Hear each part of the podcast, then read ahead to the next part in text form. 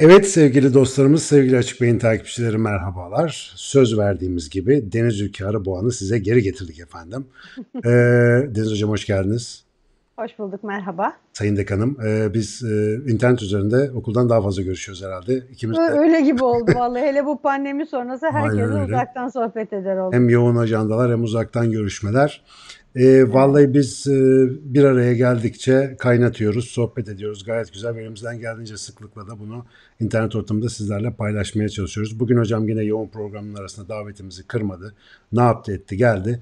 E, bugün netameli birkaç mevzu konuşacağız. Bizim Açık Beyin'de yeni başladığımız 5 soruda formatının yeni bir bölümüyle aslında karşınızdayız. Özellikle biz bu 5 soruda formatını e, Açık Beyin'de yaptığımız webinarlarla beraber kendi aramızda Deniz Hoca ile beraber İstanbul Okulu dediğimiz bir geleneğin aslında başlangıcı olarak düşünüyoruz. Biraz böyle e, çizginin dışında politik kamplara sıkışmamış akil söylemleri bir araya getirip meselelere acık daha kuş bakışı biraz daha biraz daha ferah feza, biraz daha akıllıca bakabilmenin yollarını araştırıyoruz. Bunun için de aklına, bilgisine, sezgisine ve görgüsüne güvendiğimiz dostlarımızı, hocalarımızı burada konuk edip onlarla sohbet ediyoruz. Bunlardan bir tanesi de sevgili hocamız Deniz Ülke Arıboğan.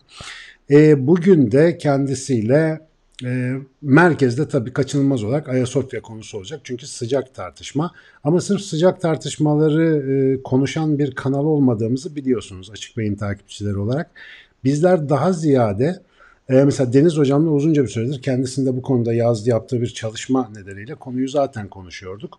Ülke gündeminde de sıklıkla ısınan bir mesele. Bence bu konu e, toplumsal psikolojimizi çözümlemek ve neye nasıl baktığımızı biraz daha iyi anlamlandırabilmek için iyi bir turnusol. O yüzden bunu konuşmaya oldukça değer bir konu olarak da bulunuyorum. Ama sadece o eksende de kalmayacağız. Bugün malum formatımız 5 soru. Önce ilk sorumu sorarak başlayayım. Nasılsınız sevgili hocam? Çok şahane soru. İyiyim. İyiyim ve bu pandemi sürecini de gayet iyi geçirdim. Çok yoğun. Hem bir kitap hazırladım, makaleler yazdım bir kısmı yayınlandı ve ben her gün işe gidip geldim tabii. Ee, herkesin boşluğunu doldurmaya çalıştım elimden geldiği kadar ama normal yaşamada döndük biz artık. Eyvallah. Hocalar olarak okuldayız biliyorsun. Ee, benim bu formatta aslında hep sormak istediğim, çağırdığım kişilerle ilgili temel bir soru var. Konulardan bağımsız. Onu da hakikaten resmi olarak sormak istiyorum. Cevabını biliyorum ama Herkes duysun istiyorum. Deniz Ülke Arıbağ mutlu bir insan mıdır? Hayatından memnun mudur? Bir daha gelse aynı hayatı yaşar mıydı? Bu konuda ne düşünüyor acaba kendi hayatıyla ilgili Deniz Hoca? Vallahi mutlu bir insanım ee, ama mutlu olmayı da arzulayan, arayan bir insanım. Yani mutluluk kendiliğinden gelen bir şey değil. E, tabii ki bazı çevresel koşullara bağlı. Yani e, her koşulda mutlu olurdum diyebileceğim bir şey yok. Sevdiklerimin yanında olması şart. Çocuklarımın mutlu olması, sağlıklı olması falan gibi şeyler şart. Ama ben genel olarak öyle çok e, küçük meselelere takılan bir insan değilim.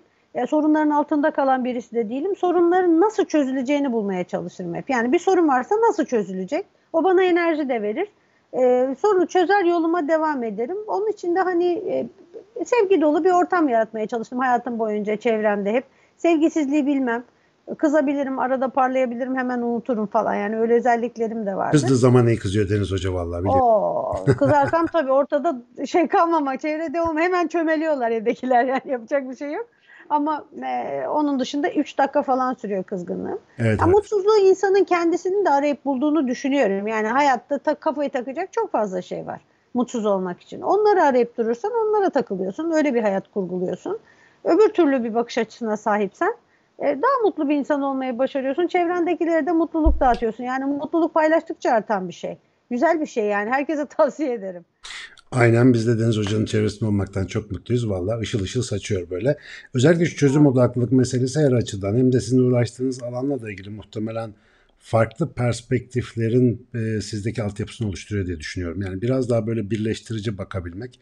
Orada da hani çözümsüz gözüken politik arenada ya da uluslararası problemler alanında biraz daha birleştirici olabilmeyi getiriyor galiba. Yani bu insanın hani e, nasıl diyelim psikolojisinin işine yansıması gibi belki de. Ben onu sizin yorumlarınızda, e, televizyon programlarınızda, anlatışlarınızda hep izliyorum. Ben önce şu soruyu sorayım e, ana konumuza e, giriş olarak. Bu bazı mekanlar özel.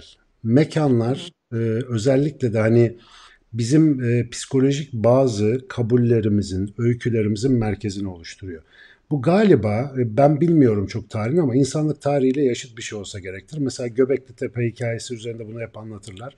Orası aslında bir kültün merkezi. İşte Ataerkil kültün, o kültün orada ortaya çıktığını falan iddia edenler bile var. Şimdi bu Ayasofya gibi yerler modernlik sonrası hatta postmodernlik sonrası e, bizden daha genç arkadaşlara sorduğunda ya ne oluyor ya ne yaparsanız yapın falan modunda böyle pek önemsenmiyor şey yapılmıyor ama çok yakın bir tarihe kadar hatta bugün Türkiye'nin hani ezici bir çoğunluğu için bu tip mekanlar çok önemli. Mekanın önemi nereden geliyor? Mekanların politikada, tarihte yani insan e, politik zihninde diyelim e, hakikaten bu kadar ciddiye almamız gereken bir ağırlığı var mı? Bu konuda bir şeyler söyleyecek bir şeyleriniz olduğunu biliyorum. Ya biz mekanlara niye bu kadar takığız? Tabii aslında e, mekan e, birkaç bağlamda incelenmeli. Yani bir üzerinde yaşadığımız mekan anlamında yani bizim yaşadığımız coğrafya falan bağlamında bir mekanla ilişkimiz var. Çünkü insanoğlu boşlukta havada asılı bir varlık değil. Yani mekan bağımlı ve o mekandan kaynaklanan bir sürü değerle birlikte bir kimlik oluşturuyor.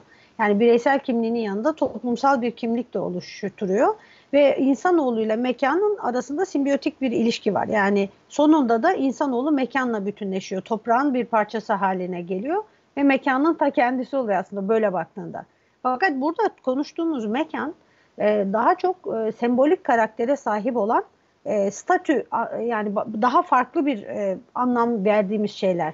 Yani mekandan ziyade bir nesne olarak bir hatırlama nesnesi, bir tanımlama nesnesi bir birleştirme ve bir ayrıştırma nesnesi olarak mekanlardan söz ediyoruz.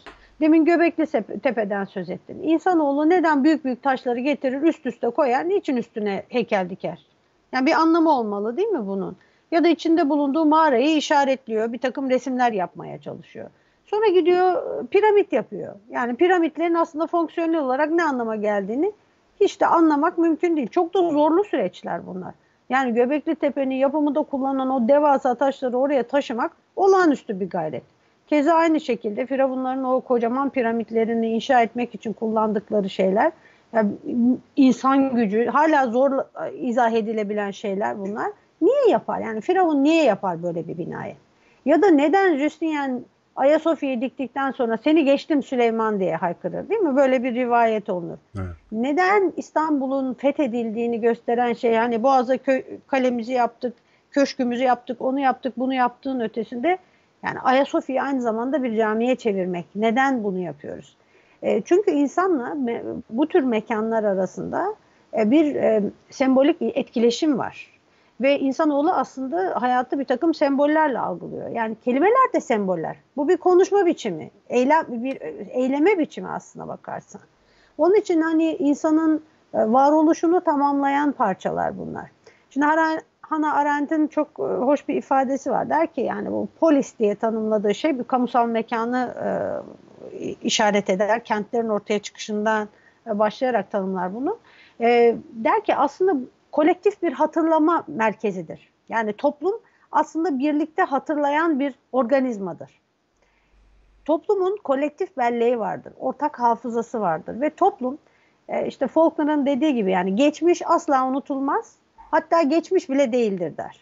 Yani biz aslında geçmişin içinde yaşarız. Yani gelecekle geçmiş arasında kopmaz bir bağ vardır ve bu an geleceğe ve geçmişe bağlıdır. Onun eklem noktasıdır. Birinden birini kopartamayız. Evet ben bunu ilk sizden duymuştum ve etkilenmiştim yani. Geçmiş insan zihni açısından da geçmiş değildir aslında. Yani bizim bütün şimdimizi evet. yaratan da o geçmiştir. Onun içinde yaşarız. Oradan bakarız çünkü. Demek toplumlar evet. içinde böyle. Tabii öyle. Bakın mesela yani toplumlar kendilerini iyi hissetmek için özellikle de bugünün koşullarında nelerden bahsediyoruz? Büyük bir uygarlık dönüşümünden bahsediyoruz değil mi? İşte Endüstri 4.0'a geçiyoruz diyoruz. Dünya üzerinde inanılmaz siyasi çatışmalar var. Üretim ilişkileri değişti. İnsanlar geleneksel yaşam alışkanlıklarını kaybediyor falan filan. Peki ne yapıyor insanlar? Geçmişe sığınıyorlar. Dizilere sığınıyorlar. Birisi Viking'i seyrediyor, biri Osmanlı İmparatorluğu'nu seyrediyor. İşte biz eski güzel günlerden bahsediyoruz tam anlamıyla bir toplumsal regresyona giriyoruz. Aslında insan oğlu böyle dönemlerde yas tutmaya başlıyor. Yani içine kapanıyor ve kaybettiklerinin yasını tutuyor. O sıralarda sadece geçmişteki güzel günleri hatırlamak istiyor. Yani bu bir babanın, bir annenin kaybı gibi bir şey. Yani onu kaybettin e, geriye dönmen lazım. İşte babam ne kadar iyi insandı, annem ne kadar iyi insandı. Baz, elinin sıcaklığını hatırlarsın. Babam elimi tutmuştu soğuk bir havada diye. Ya, unutulmaz öyle bir şey. Bunun içinde aslında insan e, geçmişi içinde taşır. E, hatıraları içinde taşır ve orada kaldığı zaman da hemen geçmişe atar kendisini. Geçmişteki kötü şeyleri genellikle hatırlamayıp yani o sığınma mekanı olduğu için e, oraya doğru atıyor kendisini. Zaman yani zamanın kendisi bile bir mekana dönüşüyor aslında. Yani çatısı falan var zaman. Yani belli anlar e, çatısı duvarları olan ve bizi çevredeki her şeye karşı koruyan güzel şeyler. Hemen içine atıveriyoruz kendimizi. Mutlu veriyoruz. Serotonin salgılıyoruz. Her şey güzel. O hormonları sen daha iyi bilirsin burada ama yani bizi mutlu eden anlar var ve onları hatırladığımız anda bütün moodumuz değişiyor değil mi? Hayat başkalaşıyor. Onun içinde içinde yaşadığımız dönem müthiş bir değişim dönemi. Fırtınalar esiyor yani her bakımdan. Ekonomide, siyasette, uluslararası alanda, sosyolojik dönüşümde, şunda bunda.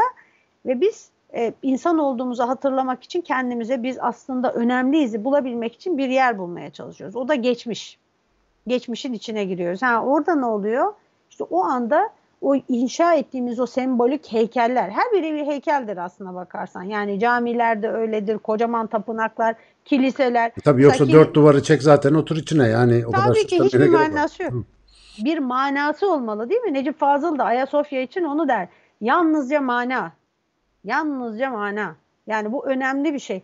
Çünkü Ayasofya bir cami ya da bir kilise, bir ibadet yeri ya da bir müze falan bunları olmanın ötesinde birçok şeyi temsil eden bir mana abidesidir. Hristiyanlığın ilk resmi kilisesiymiş bildiğim kadarıyla. Yani resmi olarak Küçük kurulmuş. kiliseler var. Evet, Hı. büyük bir kilise. Evet. İlk büyük kilise ve yani 500 küsür yılında yapılıyor. 37. Yani, e, yani tarihi inanılmaz eski bir kere. Yani o karşısında duran Sultanahmet onun torununun torunun torunu sayılır. Yani bayağı bir e, yeni Tabii ona göre.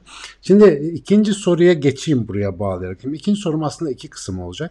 Birincisi Fatih Sultan Mehmet. Hani bizim açımızdan çağ açıp çağ kapayan işte en önemli liderlerden bir tanesi. Osmanlı'nın tepe e, yöneticilerinden birini temsil ediyor. Hani bize öyle öğretiliyor en azından. Müthiş bir iş başarıyor. Gencecik yaşında giriyor. İşte şeyin e, Hristiyanlık dünyasının kalbini İstanbul'a ele geçiriyor. Ayasofya'yı alıyoruz cami yapıyor. Bugünden bakınca ya da o günün şartları içinde düşününce e, Fatih gibi büyük hükümdarın orayı alır almaz Ayasofya gibi sembolik bir yeri hemen cami yapması politik olarak neden? Yani o zaman ne anlama geliyor? Bugünden bakınca nasıl bir anlama geliyor? Niye böyle bir şey yapıyor? Çünkü Ayasofya eşittir İstanbul. Ayasofya İstanbul'u anlatan bir bayrak ve o, o bir kale o kaleye bayrağını dikiyor ve zaten e, bakın mesela Ayasofya'da hep e, hem Hristiyanlar açısından hem Müslümanlar açısından çok mistik ögeler var. E, bütün o Hristiyanlar o dönemde yani o meleklerin yeryüzüne inip kendilerini koruyacağına inanıyor. Yani o melekleri bekliyorlar, kiliseye sığınıyorlar, ediyorlar. Öbür tarafta Müslümanlar açısından Peygamber Efendimizin e, rüyalarda falan şey yaptığı, vahyettiği, hadislerinde şey yapan, e, hadislerine yansıyan bir şey yani İstanbul'un fethedilmesi. O ne büyük komutandır falan diye. Bu gerçek mi değil mi? E, bu hadisin evet, tartışma üzerine tartışma ama. var ama çok da önemli değil. Ama sonuçta Bunun bir gel- topluluğun zihnini şekillendirmiş bir hikayesi var. Yani şeyi var. sahih olsa da olmasa da orada böyle devamlı dönen bir rivayet var yani. Var tabii Müslümanlar açısından. Yani gerçek olup olmadığının ana önemi yok. Yani orada öyle hissediliyor ve öyle biliniyor ve öyle olması isteniyorsa o odur. Onun için de Müslümanlar açısından da İstanbul şehrinin fethedilmesinin kutsal bir anlamı var. Yani iki kutsallık çarpışıyor orada. Evet. İki tarafta da çok farklı temsiller var yani dünyalarında. Artı e, Ayasofya aslında e, ta Selçuklu'dan beri sürdürdüğümüz kılıç hakkı geleneğinin bir devamı. Yani eğer şehir kendiliğinden teslim olmazsa e, giriyorsunuz, fethettiğiniz yere istediğiniz gibi kullanabiliyorsunuz, e, ganimet paylaşıyorsunuz, e, zarar verebiliyorsunuz şehirlere. Eğer teslim olursa elinizi süremiyorsunuz mesela. E, oraya girdikten sonra ilk namazını kılıyor ve e, e, bu ondan sonra Ayasofya bütün o sefer zafer yani teopolitik bir anlamı var. Bütün sefer zafer hikayelerinin parçası yani sefere çıkmadan orada namaz kılıp gidiyor bütün Osmanlı ordusu sürekli.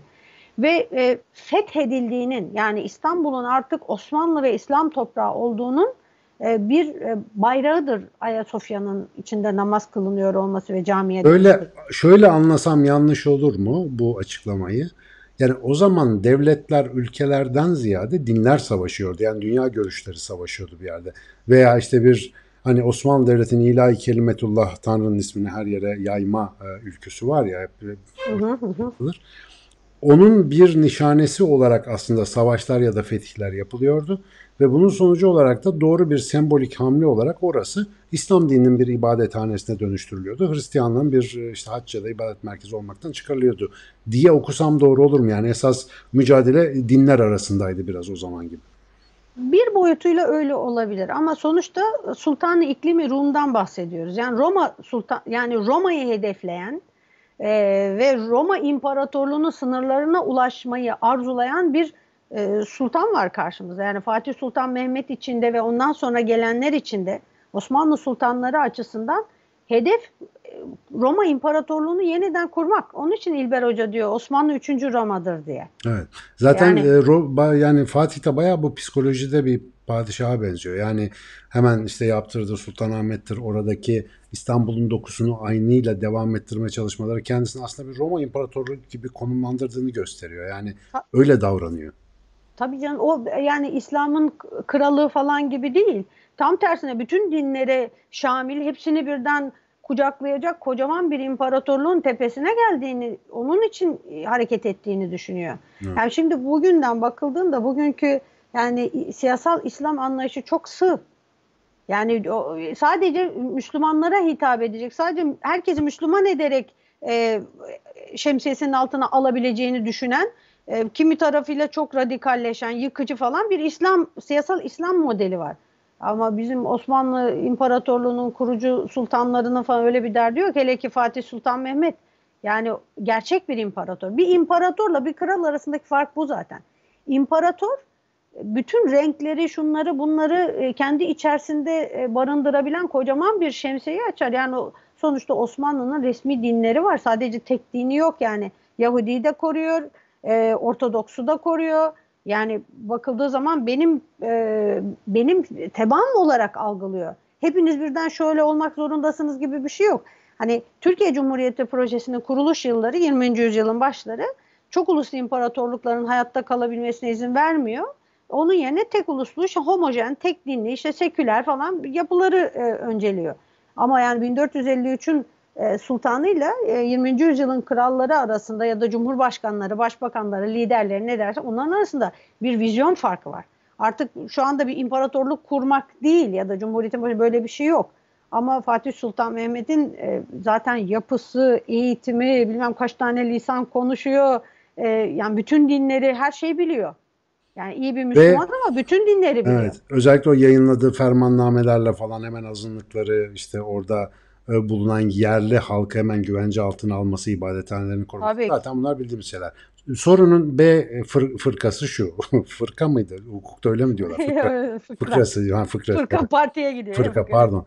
Sorunun B fıkrası. Şimdi Cumhuriyet ilanından sonra o dönemler ulus devlet olma sürecinin yansımalarından bir tanesi de Ayasofya'nın müze yapılması oldu. Ayasofya e, artık bir müze olacak dendi. O dönemde de işte e, gene tabii e, bugünkü bir siyasi İslami damar var çok baskın olmasa da büyük protestolar oluyor işte. E, bu biraz da böyle bir siyasi İslam'da bir kızıl elma gibi, içsel bir kızıl elma gibi oluyor. Yani müze olduktan sonra biz bunu bir gün camiye çevireceğiz diye. Benim şimdi bugünkü sorum şu. Fatih o gün girdi, bir kiliseyi camiye çevirdi. Biz bugün tırnak içinde biz derken Türkiye Cumhuriyeti vatandaşlarını ve yönetimini kastediyorum. Kendi müze yaptığı yeri camiye çevirince aynı şey yapmış oluyor mu? Ya da bugünkü bu hareketle o günkü o hareket karşılaştırınca e, bir yani siyaset bilim açısından ne gözüküyor? Şimdi her şeyden önce şunu e, vurgulayalım. Ayasofya sadece siyasal İslamcılar için bir kızıl elma değildir. E, milliyetçi, muhafazakar çevrenin bütünü hatta milliyetçiler açısından çok daha önemli bir şeydir. Artı anti batıcı bütün fraksiyonlar açısından da böyle yani simge, evet. sosyalist bir simge olarak düşünülebilir. Hani sosyalistlerin belki böyle bir şey yok ama nihai noktada e, camiye dönüştürülmesi, yeniden camiye dönüştürülmesi ikinci bir fetih girişimidir. Yani yeniden e, şey ve insanlar aradaki o müze dönemini hatırlamaz. Yani 1934'te bir karar alınmış. Cumhuriyet'in kurucu kadroları böyle bir karar almış ve bunun da bir manası var. Bunu alırken de bir manası var. Ondan da bahsederiz. Ama bugün e, gelinen noktada e, bir müzeden camiye çevirme değil. Bakın aradaki o boşluğu herkes unutur. Bütün dünyada, Batı dünyasındaki algısı yeniden kiliseden camiye çevriliyor olur. Yani bu şu anda kiliseden camiye çevriliyormuş duygusu uyandırıyor. Hı. Bu yeniden bir fetih. Bakın burada şey çok önemli. Şimdi Cumhuriyet'in kurucu kadroları ne yapıyorlar? 20. Hocam yüzyılın... burada bir durdurayım mı size? Beni burada Hı-hı. rahatsız eden bu. Şimdi kilise yani Ayasofya'yı orijinalinde kilise yapan Osmanlı değildi. Osmanlı yapılmış bir şeyi devraldı, vasfını değiştirdi. Ama evet. şu anda müze yapan bizzat e, şu anda Ayasofya'ya hakim olan ülkenin o zamanki evet. iradesi.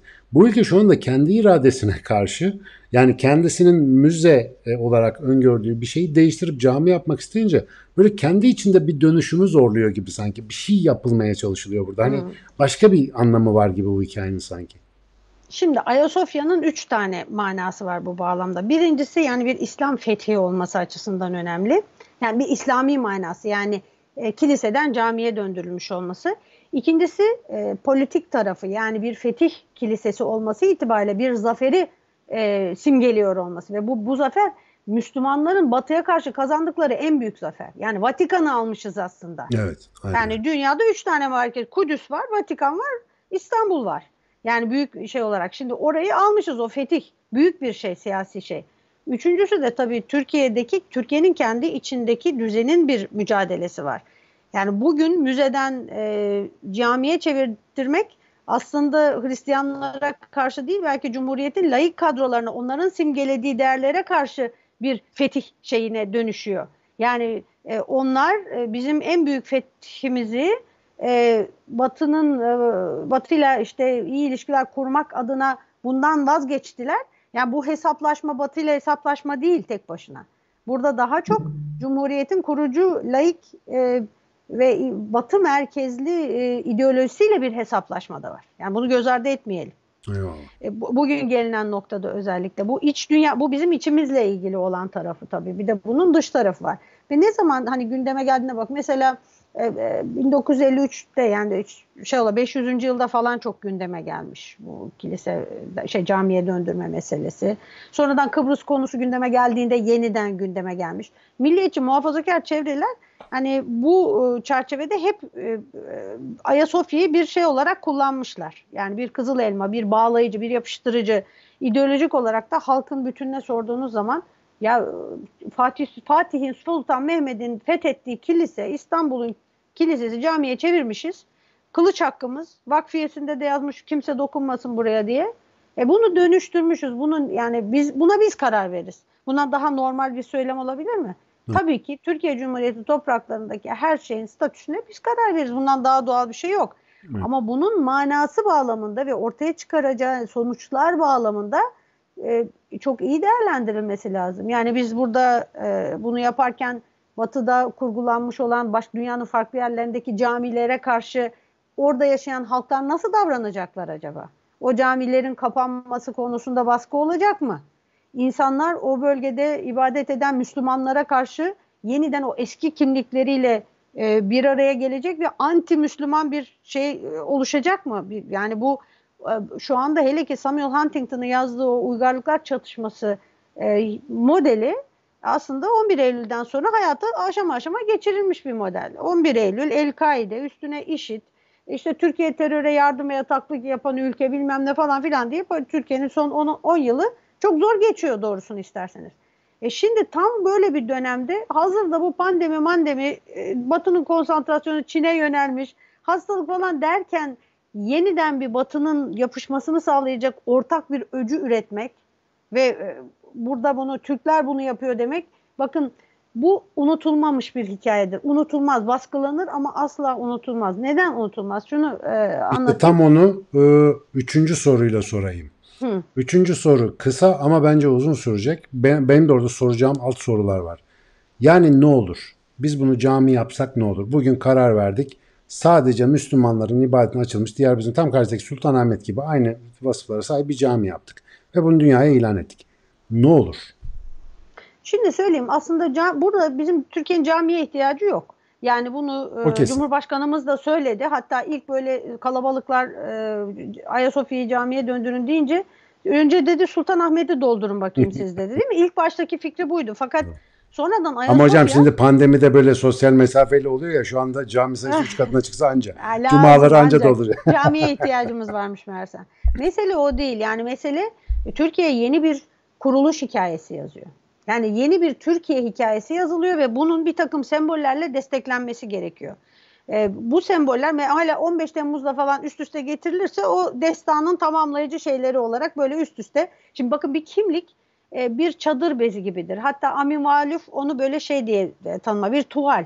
Tuvalin üstünde desenler vardır. Bütün bu hikayeler e, o tuvalin üzerindeki e, desenlerdir. O desenlere çok fazla dokunduğunuz zaman tuval o kadar gergindir ki yırtılabilir tuval.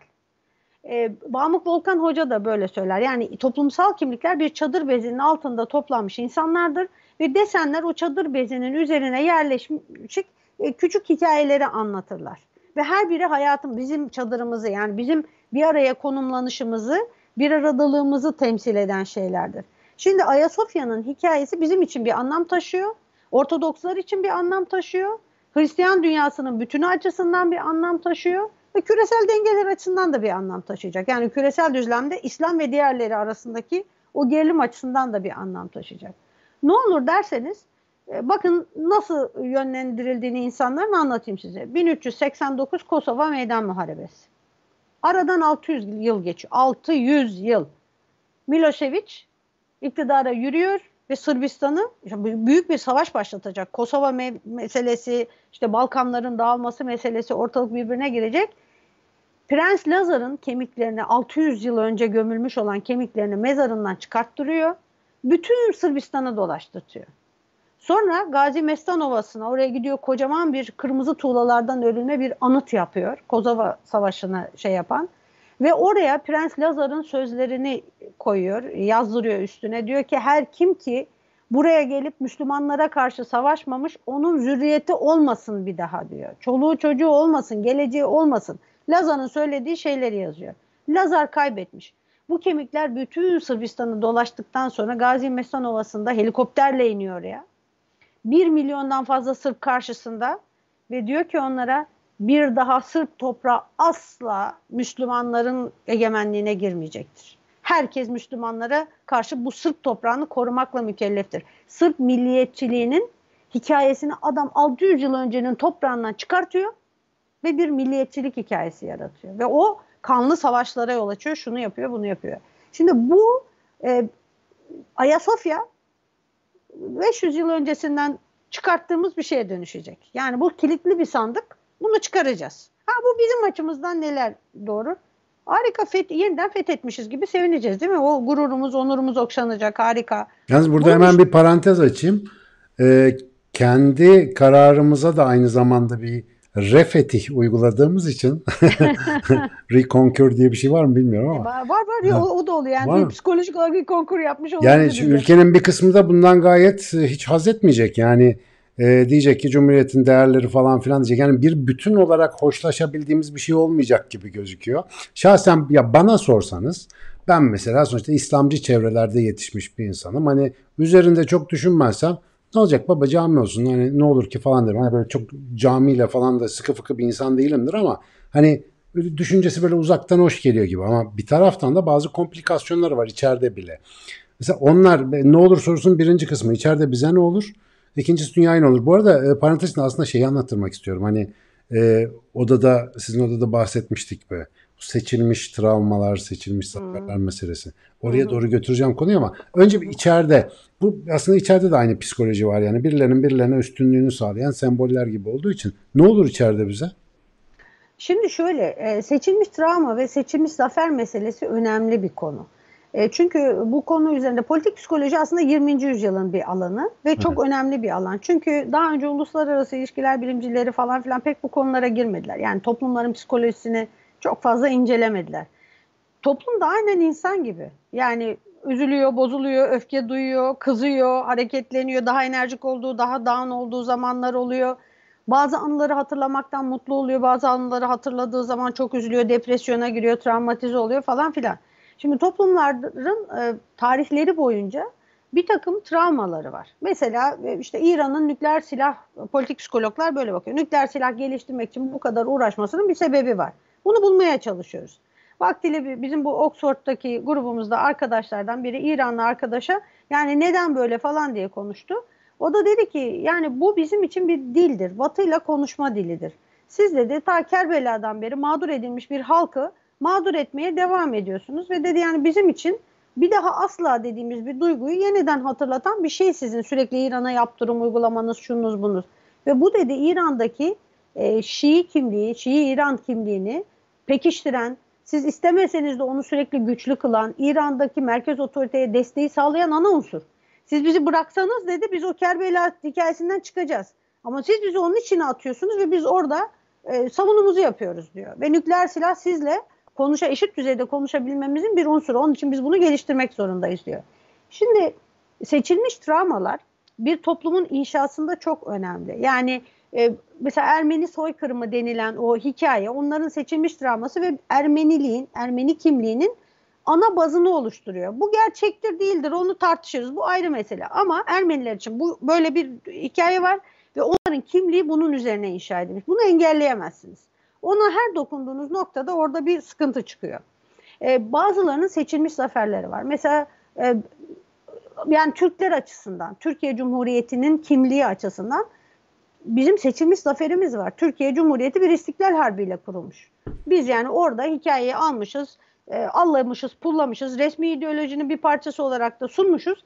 Ama koca bir Osmanlı İmparatorluğunu kaybetmiş bir ülke olarak değil, Cumhuriyet'in kurucuları yani milyonlarca kilometreyi kaybetmişiz, imparatorluk gitmiş ama Türkiye Cumhuriyeti'ni kurtarmışız arada geri kalan bunu bir zafer hikayesi olarak topluma anlatıyorlar. Ve diyorlar ki Türk milleti asildir, Türk milleti çalışkandır, Türk milleti yedi düvele karşı dövüşür, herkesi yener falan değil mi? Bir zafer hikayesinin üzerine kurguluyorlar. Yas tutacak zaman da yok. Yani Osmanlı'nın yasını tutacak zaman da yok. Hızlı bir biçimde yeni bir cumhuriyeti ayakta tutmak için büyük bir enerjiyle şey koyuluyorlar. Yani bir cumhuriyet projesi inşa ediliyor orada. Bir ulus inşa ediliyor. Bakın çok uluslu, bütün değerleri yıkılmış bir yapıdan yepyeni bir değerler sistemi inşa edeceksiniz. Kaybedecek zamanınız yok. Yani kurdunuz kurdunuz çünkü dünya oraya doğru gidiyor. Şimdi böyle bir sürecin içerisinde Türkiye'nin seçilmiş zaferi İstiklal Harbi. Bizim bak şeylerimiz var, komutanlarımız var. Bak Sakarya Meydan Muharebesi, Ankara'ya git Sakarya'yı göreceksin. Havaalanlarımız, efendime söyleyeyim e, şeyler, alanlarımız, parklarımız, şunlarımız, bunlarımız ya paşa adıdır, ya zafer anıtıdır, ya bir şeydir. Yani bize hep o zaferi sunar. Biz e, bayram, resmi bayramlarımız bizim coşkulu kutlama bayramlarıdır. Marşlar söylenir, bilmem ne yapılır falan filan değil mi? Yani biz bir zaferin toplumuyuz. Fakat bugün gelinen noktada başka bir şey inşa ediliyor. Yani bunun içine hafif seçilmiş travmalar da enjekte ediliyordu. Özellikle 15 Temmuz bir seçilmiş travmaya doğru e, döndürülüyordu. Ve bu o zaman coşkulu bir kutlama değil, anma, ağıtlarla dolu bir anma falan teşebbüsüne gidiyor. İşte Şehitler Tepesi, Şehitler Köprüsü falan daha çok e, kayıplar üzerine odaklanmış bir kimlik inşasına dönüşüyor. Fakat Ayasofya ile bunu bir travmadan çıkarıp başka bir zaferle süslemeye gibi bir arayış var. Ya o, o yeni Türk kimliğinin inşasının parçası olarak değerlendiriliyor. Hatta 15 Temmuz'a denk getirmeye çalışıyorlar. Yani bu bu önemli, bu, bu seçimler çok önemli şeyler. Bir şey aşama aşama inşa ediyor. Ve fakat bu bizim açımızdan bir zafer. Yani seçilmiş zafer. Bir de bunun dünyanın kalan boyutu var. Yani Yunanlı, Rus, Avrupalı, Katolik kilisesi. Çünkü Papa Pius'un falan o zaman şeyleri var. E, diyor ki yani Herodot'u, Platon'u yeniden öldürdü bu Müslümanlar diyor İstanbul fethedilince. Yani e, söylediği en değer verdikleri şeyin e, yok edildiğini düşünüyorlar ve e, Haçlı Seferi gibi bir şey başlatmaya çalışıyor başaramıyor yani Katolikleri toplamak kolay olmuyor ama Hristiyanlar işte şimdi tam kalbimizden vurulduk diyorlar ki bak Katoliklerle Ortodokslar arasındaki probleme rağmen bunu söylüyorlar. Şimdi Hristiyan dünyası açısından da bu bir seçilmiş travma. Yani Hristiyanların en büyük kayıplarıdır. Yani Kudüs, İstanbul büyük kayıplardır. Onun için de bugün ortaya çıkacak yeniden fetih duygusunun onların kafalarında canlandıracağı bir şey var. Onlar ne yapacaklar? kaybettiğimizi yeniden almak zorundayız. Bu atalarımıza karşı sorumluluğumuz. Bunları yani Ayasofya'nın öcünü almak zorundayız. O travmayla mücadele edecek yani değil mi?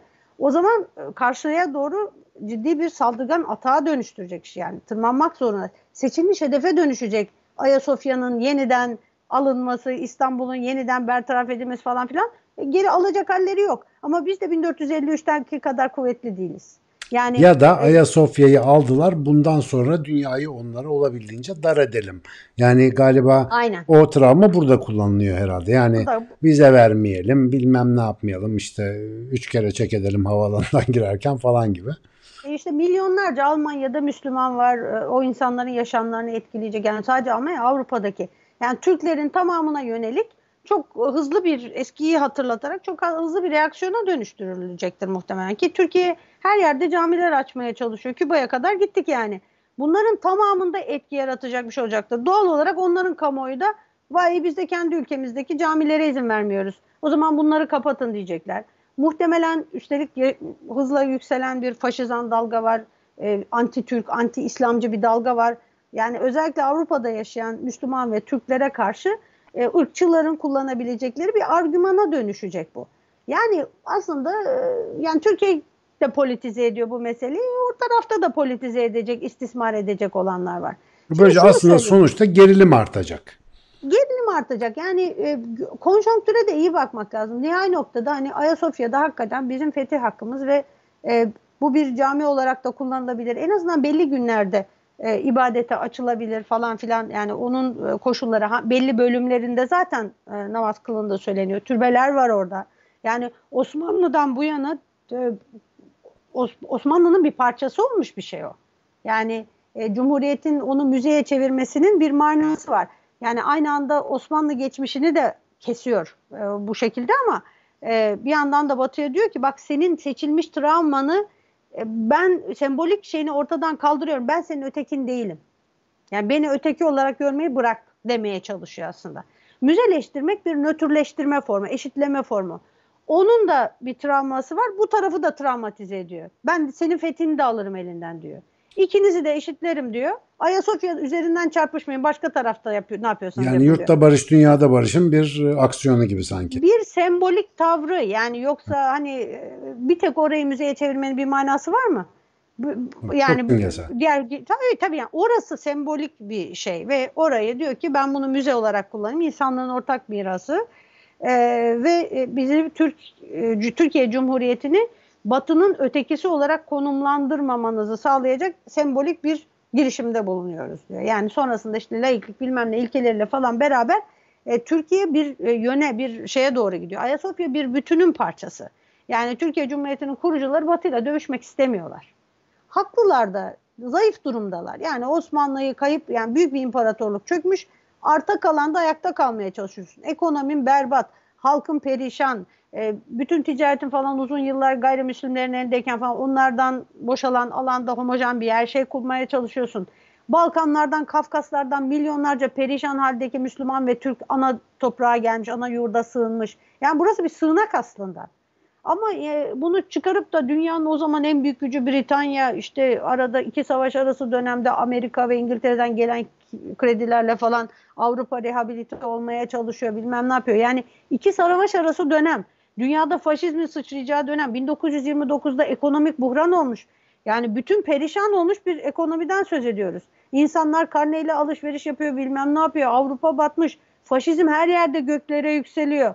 35'te İtalya Habeşistan'ı işgal edecek falan filan. Yani e, İkinci Dünya Savaşı'nın şartlarına giriliyor. Onu görüyorlar. Gelmekte olan bir şeyler var. O zaman yani mümkün olduğu kadar kendini nötr, her konuda nötr kılmaya çalışan e, ve bu, bu şeyden bu ayrışmadan uzaklaşmaya çalışan bir Türkiye'den söz ediyoruz. Yani o günkü konjonktürde aslında bayağı zekice bir hareket. Yani o o dönemde olabilecek efendim bir de hani Türkiye'nin yeni savaştan çıkmış, yeni kurulmakta olan, yeni gözünü dünyaya açan, yeniden komple kabuk şekil elbise falan da değiştiren hatta o dönemde yani öyle bir kafa olduğunu düşünürsek herhalde o dönem için galiba olası en iyi uygulamalardan bir tanesiydi gibi düşünebiliriz gibi geldi bana.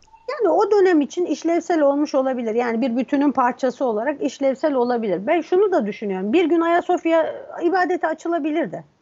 Yani konjonktür müsait olur. E, Türkiye'nin milliyetçi muhafazakar çevreleri açısından da bu değerlendirilir. Yani camide yaparsın yeniden. Yani bir cami kazanmış olursun belki. Ama burada daha farklı bir şeyi sembolize edebilirsin. Başka manalar atfedebilirsin. Yani Türkiye'nin kimliğinin ne kadar başka dinlere saygılı olduğunu, e, bütün zafere ve fethe rağmen nasıl e, başka insanların da ibadetlerini, inançlarını, değerlerini savunduğunu gösteren bir abidevi anıt olarak onu değerlendirebilirsin. Parlatabileceğimiz bir şey. Yani fonksiyonel olarak sadece bir turizm mekanı değil. Çok gelir getiriyormuş falan bunlara bakıyorlar. Kimsenin o paraya ihtiyacı yok. Aynen. Yani tamam ama ama karizma karizma daha önemli. Yani ben mesela Tabii ya, bana sorsan işte.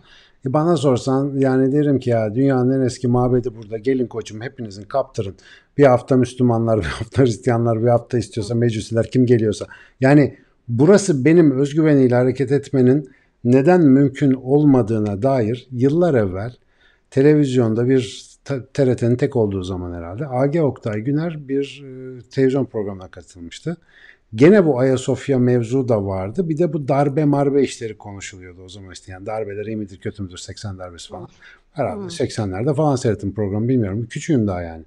Hmm. AG Oktay Güner demişti ki e, tam meblağ hatırlamıyorum ama bugün galiba 25-30 bin dolar gibi paraya denk geliyor. Türkiye'de dedi kişi başına düşen gelir işte atıyorum 30 bin dolar olmadan bu tartışmalar bitmez dedi. Ne darbe biter ne Ayasofya'yı cami yapışı biter. Şimdi bakıyorum hakikaten zenginleşmiş. Amerika Birleşik Devletleri birkaç sene evvel, iki sene mi oldu ne işte Kudüs'ü şeyin başkenti ilan etti e, İsrail'in. Yani tanıdı o meseleyi. Hı. Şimdi Amerika kendi içinde değil de gelip ta Orta Doğu'da niye böyle bir şey yapıyor? Bariz ki manipülasyon amaçlı. Kimi kime kırdıracak? İşte varlık mücadelesi veren Orta Doğu ülkeler arasında gene bir ezber bozacak. Orada bir gerilim çıksın biz de işte bir şey yapalım. Neyse hesabı. Ama mesela kendi içinde böyle bir şeyle uğraşmıyor. Onun telaşları daha farklı. Yani işte sizin duvar kitabında mesela kendi işte haklarını korumaya, etrafını kapatmaya, kendi ekonomisini coşturmaya falan filan uğraşıyor. Mesela Trump bunun sembolü. Ama biz mesela böyle bütün dünyaya gayet açık bir tiyatronun e, figüranı gibi kendimizi ortaya atıp muhtemelen fukaralığımızdan yazık diyorum ben. bak açarım ha açarım bak burayı açarım falan gibi moddayız. Muhtemelen eğer e, katılıyor musunuz bilmiyorum Agi Oktay'ın de, o zaman dediğine. Bana sanki hala geçerliymiş gibi görünüyor. Biraz zenginlikle, biraz gelişmişlikle alakalı bir sorun mu acaba bu? Valla ben vizyonla alakalı bir mesele olarak görüyorum. Yani çok zengin olabilirsiniz. Orta Doğu'da çok zengin ülkeler var. Kişi başı milli geliri e, hayal bile edemeyeceğimiz noktalarda ama devlet vizyonları açısından bakıldığında sıfır karizma senin deyiminle. Yani karizma önemli bir şey ya. Ulusal karizma diye bir kavram kullanalım. Vallahi bunu şey yapalım, literatüre de sokalım. Ulusal itibar, imaj bir sürü şeyler, kavramlar kullanıyoruz. Ya ama. zaten bu arada küçük bir spoiler vereyim. Deniz Hoca yüzünden, Deniz Hoca beni sosyal bilimler alanına ittiriyor sürekli. Bana bir makale evet. yazdırıyor şimdi. Çalışıyorum evet, bu ara. çalıştırıyoruz. da söyleyeyim tabii.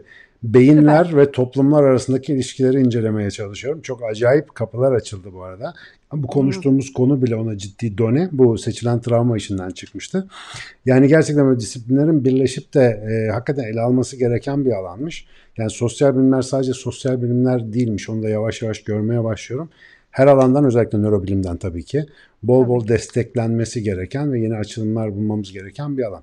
Bu mesele de özellikle bu seçilmiş travma falan hikayesi üzerinden konuşunca bana çok anlamlı gelmeye başladı. Ee, şu soruyu şöyle bağlayayım. Daha üçüncü sorudayız. Burada zaman su gibi baktı. Biraz fazla uzattım ama son soruyu kısaca soracağım. Evet, tamam. Ee, yani biz aslında seçilmiş zaferimizi tesis ederken muhakkak birinde ya bir travma yaratıyoruz ya birinin travmasına basıyoruz değil mi? Bu sistem böyle. Yani Birleşik Kaplar usulü gibi. Mecbur bir, değil ama çoğunlukla oluyor öyle. Çoğunlukla şey. evet. böyle. Biz bunun alternatifi var mı? Yani birilerinin ayağına basmadan seçilmiş zafer. Dünyada böyle bir örnek var mı? İnsanların kendi seçilmiş zaferlerini başkalarının pahasına olmadan yaşayabildikleri. Böyle bir şey var mı yani? Ya şimdi var şimdi her her zaferin karşılığı mutlaka eşit düzeyde bir travma değil. Yani buradaki temel mesele bu zaferin öbür tarafın travmasına tekabül ediyor olması. Çünkü yani Sakarya Meydan Muharebesi'ni öbür tarafın seçilmiş travması olarak tanımlayamıyorsunuz. Ama bu İstanbul'un fethi çağ kapatan, çağ açan bir şey ya. Evet. Yani bu bu bir travma, kitlesel ve tarihsel bir travma, çok büyük bir travma. Onun için bu çok önemli. Ee, yani e, tarafların e, kendi e, hikayelerini iyi görmek lazım. Kendi ülke içerisinde bile yani e, bir sürü topluluk yaşıyor. Eğer sen bir başka e, topluluğun en önemli kendi kimliğini üzerine inşa ettiği travmasını tetikleyecek şeyi bir zafer gibi algılamaya ve onunla konuşmaya başlatsan küstürüyorsun öbür topluluğu. Yani e, bu, bu şey, ülke içerisinde de aynı şey geçerli. Şimdi burada çok e, küresel düzeyde etki yaratacak bir olaydan söz ediyoruz. Yani dediğim gibi yani Hristiyan dünyasının bana göre daha ağır bir travması yok ki İstanbul'u kaybetmekten daha ağır bir travması. Galiba fetih bazlı zaferlerde ısrar ettikçe birilerinin travmalarını kaçırmadan edemeyeceğiz. Çünkü fetih sonuçta giriyorsun bir yere açıp alıyorsun yani. Aha, burası ee, sonuçta İstanbul ya öyle evet, evet. boş Ve, değil ama yani. Hakikaten çok büyük hikaye. Yani şimdi bakınca bu travma açısından yani dünyayı hakikaten tokatlamak gibi bir şey. O yüzden de hani Fatih'in gerçekten çok büyük kumandan olması falan hani her türlü efsaneye konu olabilecek, her türlü filme konu olabilecek bir şey. Bu arada hala bu konuda dişe dokunur, doğru dürüst bir e, edebiyat ve film falan üretememiş olmamız da ayrı bir e, acıdır. E, yani dibimizde duruyor doğal setler falan ama Cüneyt Arkın'la duruyoruz hala büyük ölçüde. İnşallah yakında birileri bir şey yapar. Hocam çok uzattım ama sizden bir şey konusunda yorumlarınızı almak istiyorum. Ayasofya konusu kabaca e, yani ben bu konunun e, psikopolitik taraflarını, politik psikoloji taraflarını sizinle düşünmeye başladım, konuşmaya başladıktan sonra. Ben bunu hep bir siyasi tercih meselesi gördüm ama hani ciddi bir psikolojik altyapısı var bu işin gerçekten. İnsan davranışına bakan bir tarafı var ve biraz da ülkemizin bir fotoğrafını gösteriyor. Ne yaparlarsa hayırlısı olur inşallah diyeceğim. Son bölümde Psikolojimizin en çok raydan attığı çıktığı yer sosyal medyadaki şu durumlarla ilgili konuşacağız.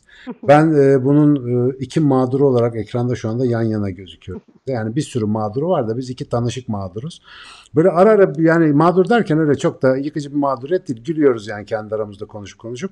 Ama mesela son zamanlarda bir şeyler oldu. İşte yani e, yeni çocukları olan bir çift sırf siyasi bir kimlikleri olduğu için böyle hani rezil denebilecek tepkilerle karşı. Siz de tepki verdiniz dayanamadınız bu e, trollüklere. Efendim e, sonra bir sosyal medyayı kapatalım, yasaklayalım söylemleri gezmeye başladı. Sonra Cumhurbaşkanlığından dedi ki yok biz öyle bir şey düşünmüyoruz yanlış anlaşıldık falan. Yani şöyle bir şey bugün mesela çok süper totaliter bir yer olsak şakadan hepsinin şalteri hakikaten başarıyla kapansa mesela ne olur? Sosyal medya hakikaten hayatımızda yasaklanabilir bir şey mi? Bir de siz bu densizliklere nasıl bakıyorsunuz? Yani cevap verdiğiniz için onları gördüğünüzü biliyorum. Yani görmezden gelmiyorsunuz. Çünkü böyle şey olunca kazan basıncı çok yükselince bir şey çıkıyor hemen böyle bir cevap çıkıyor onu biliyorum.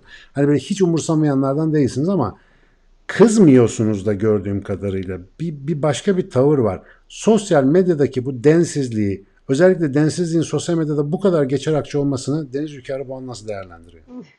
Ya aslında e, benim gördüğüm kadarıyla sosyal medyanın e, kirletilmesi suretiyle sosyal medyanın etkisizleştirilmesi yolunda bir e, kanaat oluşturuldu. Yani Twitter çıktığında hani oralar bostanken e, biz gayet güzel böyle 15-20 bin followerlı bir şey olarak akademik tartışmalar bile yaptığımızı hatırlıyorum. Kimsenin kimseye saygısızca hitap etmediği zamanlarda.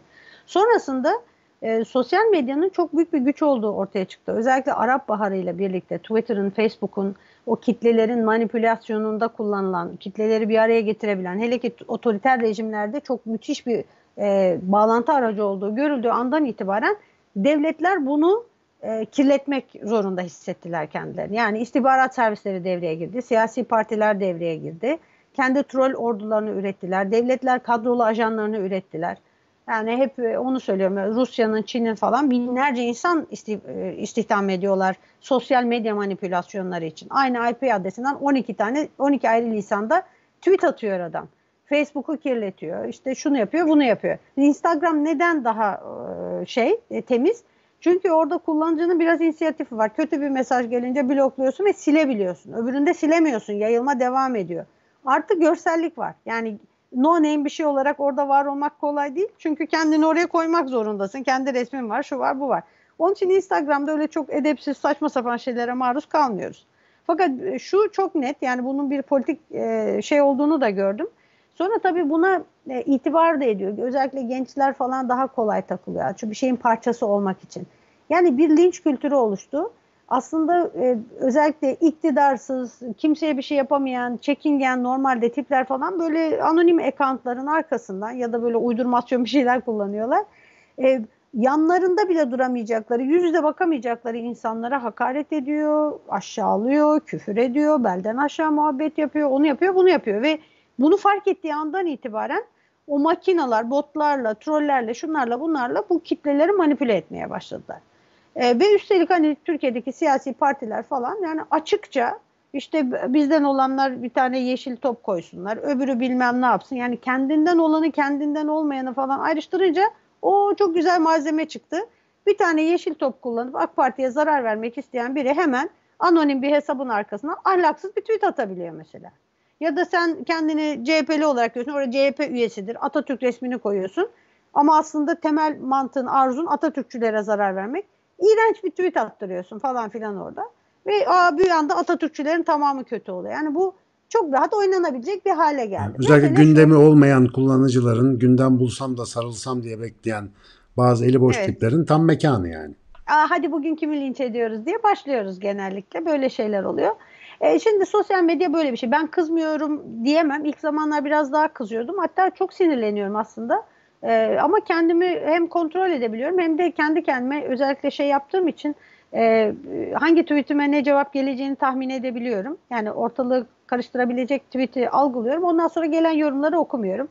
Sağ olsun asistanım oradan siliveriyor. Yani benim hala asistanlığım yapıyor. Kendi başka bir işte çalışıyor ama hala bana gelen küfürleri falan siliyor. Yani şunu söyleyeyim. Aslında e, yani gerçekten e, Albayrak çiftine yönelik şey yapılan, o atılan tweetler rezalet, iğrenç.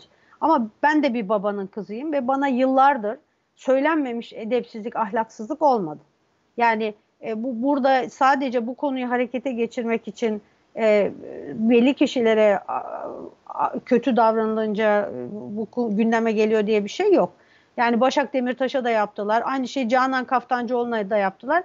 Ama o da onu yapıyor. Yani birini eleştirince ama ona hiç ses çıkarmadınız falan. Bir de bunlar var. Bunlar da ayrı bir şey yani. Ben sabahtan akşam oturuyorum. Kim ne yaptı ona bakıyorum. Hemen tepki göstermeyi bekliyorum gibi. İşim Peki- var gücüm var. Peki bu tantanaların boşta- içinde yani mesela e, siz de ben de Twitter'ı belli amaçlarla kullanıyoruz. Yani orada trollük yapıp milletle muhabbet etmek için değil. Anlatmak istediğimiz bir şeyler var. Gündeme dair bir başka bakış açısı paylaşmaya çalışıyoruz. Mesela siz daha ağırlıklı gündeme dair, ben daha ziyade kendi uğraştığım konularla ilgili. E, orada böyle e, çok mesela hep verdiğim örnek var. İşte bir falanca felsefeci işte böyle bir, bir üniversite hocası. Adam felsefeci yani İh- İhsan Fazlıoğlu atıyorum. Bir tweet atıyor ya da Dücane Cindoğlu neyse altına biri diyor ki ben seni ben sana katılmıyorum ben senin gibi düşünmüyorum falan diye. Ya bu bu özgürlüğün olabildiği bir ortam. Ben senin gibi düşünmüyorum diye altına hepsini yazasım geliyor. Doğru çünkü sen hiç düşünmüyorsun zaten. Onun gibi düşünmen de mümkün değil. Böyle gevşek bir iletişimin olduğu bir yerin gerçekten görüş bildirmek için faydaya matuf olduğunu düşünüyor musunuz? Yani yazdığımız şeyler. Mesela ben bu konuda bir iyi niyet taşı, bir umut taşıyorum. Ya bir yere gidiyordur falan diye. Ee, yoksa arada gürültüye mi gidiyor bu kadar yaptığımız işler? Boşa vakit kaybı mı? Onu, onu soruyorum aslında.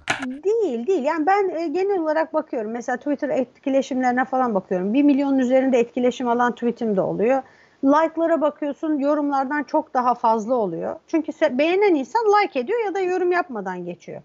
Ama orada yani etkiyi azaltmak isteyen bir de insanlar alt yorumları okumayı da sevdiği için hadi dedikodu olsun diye orada mutlaka olumsuz bir şeyler yapıp o tweet'in etkinliğini düşürmek zorundalar. Yani itibarsızlaştırmaya çalışıyorlar. Özellikle senin benim gibi tipler. Yani bir yere konumlandıramıyorlar. Siz kimdensiniz mesela? Ya bir öyle bir öyle yanıyorsun. Ne olduğunu bir bilelim falan. kardeşim. Ne Bir- olduğum belli değil.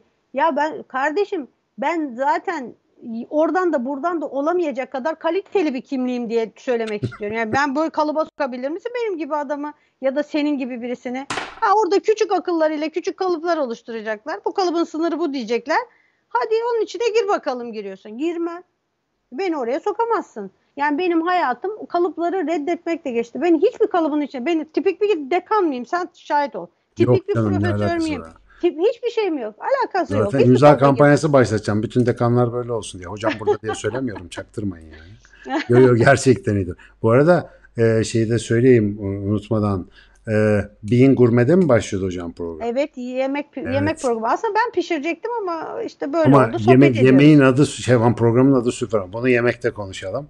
Evet. Değil mi? Programın ismi çok keçi gerçekten. E, ilk konuklardan biri benim efendim. Evet. E, çok tatlı bir yerde harika boğazına hazır. hem harbiden Deniz Hoca'nın tarifi bir yemeği göm çüttürdüm. Hem de o arada Afiyet bayağı olsun. bir konuştuk. Ama valla koca tabağı yedim yani. Ve yani hayatımda ilk defa öyle bir şey yedim. Ne İskender? Kalkan, İs- Kalkan İskender. Kalkan İskender. Kalkan balığından İskender yaptırdı hoca yani. Böyle enteresan bir Benim şey. uydurmam. Yani programdan Evet. bir gün önce uyduruyorum. Vallahi. Sonunda ne çıkarsa bak. Tam tam improvizasyon yemek. Programda birisi zehirlenene kadar program devam edecek.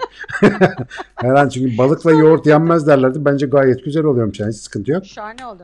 Ee, Bean abonesiyseniz e, varsa Dijitürk'ünüz falan muhakkak izleyin. Ee, hocam çok güzel konuklar ağırlıyor. Harika bir ortamda şıkır şıkır sohbet ediyor. Çok güzel bir program. E, bizim program da güzel. Deniz Hoca katılınca daha da güzel oluyor. Devam edeceğiz bu arada. Ee, sevgili Deniz Hocamızla beraber aynı zamanda birkaç seri webinar ve böyle YouTube yayın çalışmalarımız da olacak. Açık Beyin.com'u takipte kalınız. E, hocayla muhabbet e, sabaha kadar bitmesi olur ama işimiz var. E, dolayısıyla kendisine bu yoğun zamanda bize vakit ayırdığı için çok teşekkür ediyoruz. Senle olmak her zaman muhteşem. Çok teşekkür ederim. Yani Ben çok- hakikaten e, kafa açıcı, tatlı. Şimdi oradan sen arada direkt giriyorsun, dikleniyorsun falan. Senin de böyle senden gıcık alan tipler de var. Dünyanın en şeker adamlarından biri. Yumuşacık dünya tatlısı bir hocamız yani Sinan Canan hocamız. Hakikaten seninle çalışmaktan gurur duyuyorum yani onu da söyleyeyim. Karşılıklı hocam inşallah güzel işlere, hayırlara vesile olsun. E, bu saatlere kadar bizi takip edip de izleyen arkadaşlarımıza da çok teşekkür ediyoruz. Bu arada sosyal medya falan dedik ya bizim takipçiler de böyle çok niştir. Sağ olsunlar yorum kısmında boş bırakmazlar. Ben yandan yandan onlara da bakıyorum. Ama bizim burada bile geyik öyle bir e, tavana çıkıyor ki bazen. Hani burası ki hani takipçi kitlesi sonuçta açık beyin takip edenler.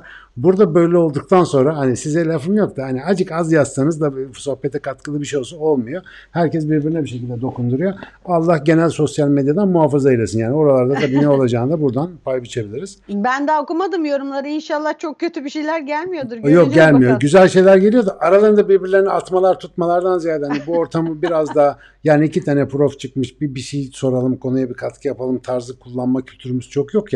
Ama e, bazı arkadaşlarımız var. Başta sevgili Bilge Can olmak üzere. E, her programda muhakkak yorumlarıyla bize katkı veriyorlar, destek veriyorlar. Çok teşekkür ediyoruz hepsine. Yeni yayınlarımızda buluşmak üzere 5 sorunun e, Sinan Canan'la 5 soru programının ikinci bölümünde bu sayede bitirmiş olduk hocamızın katkılarıyla.